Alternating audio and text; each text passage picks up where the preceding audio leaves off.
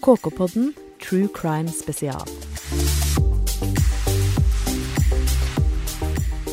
Den blodige påskemassakren. Påskesøndag 30. mars 1975 arrangerte farmor Charity Rupert påskeeggjakt for barnebarna. Leonard 17, Michael 16, Thomas 15, Carol 13, Anne på 12, David 11, Teresa på ni og lille John på fire på gressplenen foran huset i Minor Avenue i Hamilton, Ohio. Familieidyllen var komplett. Men lite visste hun at hele familien, inkludert henne selv, skulle bli skutt og drept av sønnen James Rupert bare noen timer senere. Etter påskeeggjakten gikk Charity inn i huset hvor hun forberedte den tradisjonsrike påskelunsjen. Hun fikk hjelp av eldstesønnen, Leonard Rupert jr., og svigerdatteren, Alma Rupert. Kvelden i forveien hadde James feiret sin egen 41-årsdag ved først å skyte blink på hermetikkbokser ved en elv i nærheten, før han siden hadde dratt til en lokal bar for å slukke sorgene sine. Ifølge den 28 år gamle servitrisen Wanda Bishop, som jobbet i baren, hadde James langet ut om hvor irritert han var på moren som truet med å kaste ham ut av familiehjemmet. Wanda har i avhør fortalt at James' mor hadde påpekt at dersom han kunne drikke øl på den lokale baren hver kveld syv dager i uken, kunne han også betale husleie. Dette falt ikke i god jord hos James. James skal også ha båret nag til storebroren Leonard jr., som både hadde gjort suksess innen elektronikkbransjen, eide sitt eget hus, og ikke minst hadde giftet seg med James' ekskjæreste Alma. James og Leonard jr. vokste opp i et hjem preget av mye turbulens. Allerede i barndommen hadde moren Charity påpekt at hun hadde ønsket at barn nummer to, altså James, skulle ha blitt en datter. Ektemann Leonard senior døde i 1947 da sønnene var bare 12 og 14 år, og hun ble alene om ansvaret for de to guttene. Storebroren Leonard junior, ble nå mannen i huset og brukte mye tid på å erte sin stillfarne og litt småpjuskete lillebror. Da James var 16 år, prøvde han å begå selvmord i et skogholt, men mislyktes. Etter bare to år på universitetet hoppet James av studiene. James ble beskrevet som en svært rolig mann som brukte det meste av tiden på å lese bøker og tegne. En periode var han teknisk tegner, men i 1975 var han arbeidsledig. Det lille han hadde av penger, hadde han investert på børsen, men da børskrakket kom i 1973 og 1974, mistet han alle pengene og sto i gjeld til både moren Charity og broren Leonard jr. På ettermiddagen den 30. mars 1975 våknet James opp i sengen sin i barndomshjemmet i Ohio. I underetasjen holdt familien på å stelle i stand til påskelunsjen. James samlet sammen fire skytevåpen og gikk ned til familien. På kjøkkenet skjøt han først broren, så ekskjæresten, nå svigersøsteren Alma, og siden moren. Tre av de åtte niesene og nevøene kom styrtende til kjøkkenet for å se hva elevene var, og der ble de møtt av onkel James med våpen i hånd. De tre ble drept på stedet. James beveget seg så inn i stua hvor de resterende fem niesene og nevøene satt og lekte. Det tok ikke mange sekunder før også de var blitt skutt og drept av onkel. Massakren var over på få minutter. Etter tre timer ringte James til politiet og fortalte hva han hadde gjort. Og da de ankom huset i Minor Avenue, ventet han pent og pyntelig i huset hvor hans nærmeste familie lå drept.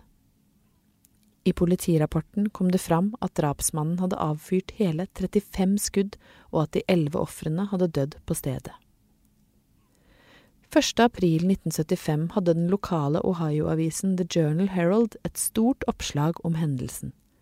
De hadde blant annet intervjuet en kvinne som hadde gått i klasse med James. Gjorde Jimmy virkelig dette? Det er ikke til å tro. Jeg gikk på skole med han, jeg hadde aldri trodd han kunne gjøre noe sånt som dette. Han var jo en veldig rolig person, det er helt ubegripelig. Hvorfor løp ingen ut av huset, hvorfor sto de bare der og lot dem gjøre det? sa kvinnen som ønsket å være anonym til avisen bare dager etter de bestialske drapene. Kort tid etter massakren ble det avholdt rettssak mot James i Hamilton. En jury bestående av tre personer dømte ham for drapene på de elleve familiemedlemmene. Men det ble bestemt at det også skulle avholdes en ny rettssak i et annet fylke, slik at det skulle foregå på rettferdige premisser.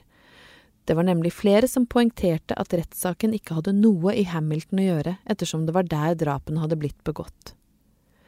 En ny rettssak ble derfor avholdt i juni 1975, tre måneder etter de bestialske drapene, og også her ble James dømt for drapene. Han selv og hans advokater påsto at han var utilregnelig i gjerningsøyeblikket. Advokatene anket dommen, og en tredje rettssak ble avholdt i 1982. En ny jury, også denne gangen bestående av tre personer, skulle ta stilling til om James var tilregnelig eller ei da drapene ble begått. 23.07.1983 falt den endelige dommen. James fikk elleve livstidsdommer. Ettersom dødsstraff var avskaffet i perioden 1972 til 1976, og udåden hadde skjedd i 1975, fikk han ikke dødsstraff. Men det var likevel flere som stusset da de gikk over dommen. For James ble dømt for overlagt drap på moren og storebroren, som indikerer at han aktivt har gått inn for å planlegge å ta livet av dem i forkant av selve drapshandlingen, mens han for de ni andre drapene ble dømt som utilregnelig. Det var den mest spesielle domsavsigelsen jeg noensinne hadde hørt, uttalte Jim Irvin på 81 til Dayton Daily News i 2018, 43 år etter hendelsen. Han var nabo med familien Rupert og hadde mye med dem å gjøre på 70-tallet. Han ble dømt for å ha drept broren som han hatet, og moren som han hadde et anstrengt forhold til. De var hans to første ofre. Men så tror jeg at de så tenkte at han klikket og ikke lenger var tilregnelig. Men vi snakket aldri med ham, og han snakket aldri selv, han vitnet aldri i retten, så vi får aldri vite hva som egentlig skjedde, sa Irvin videre i intervjuet. Huset i Minor Avenue i Hamilton står den dag i dag og blodflekker fra drapene begått for 44 år siden er fremdeles synlige i kjelleren. Da statsadvokat John Holcomb ble intervjuet av avisen Cincinnati Post i 1975, brukte han betegnelsen blodbad for å beskrive hva som hadde foregått på åstedet. Det var så ille, sa han, at når man gikk rundt i kjelleren, måtte man være forsiktig så man ikke fikk blod på seg fordi det dryppet ned fra taket på gulvplankene. Blodsporene fra den fatale påskesøndagen fins i huset den dag i dag. Til VCPO Cincinnati fortalte Cinnamon Baker, som kjøpte huset i 2008, at hun ikke har latt seg påvirke av den grufulle historien, til tross for at det er mange nysgjerrige folk som stadig tropper opp på døren i 635 Minor Avenue for å ta huset i nærmere skue. Noen påstår også at huset er hjemsøkt. Det er bare et bevis på det som skjedde, Dersom jeg stopper opp og tenker på det, er det selvfølgelig ekkelt og skummelt, men det har ikke fått meg til å føle meg mindre trygg i mitt eget hjem. James Rupert soner i dag dommen i Allen Correctional Institute i Lima, Ohio. Han er 84 år.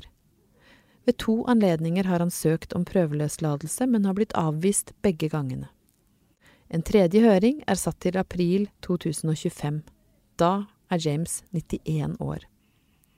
Han har aldri latt seg intervjue om drapene på familien i påsken i 1975.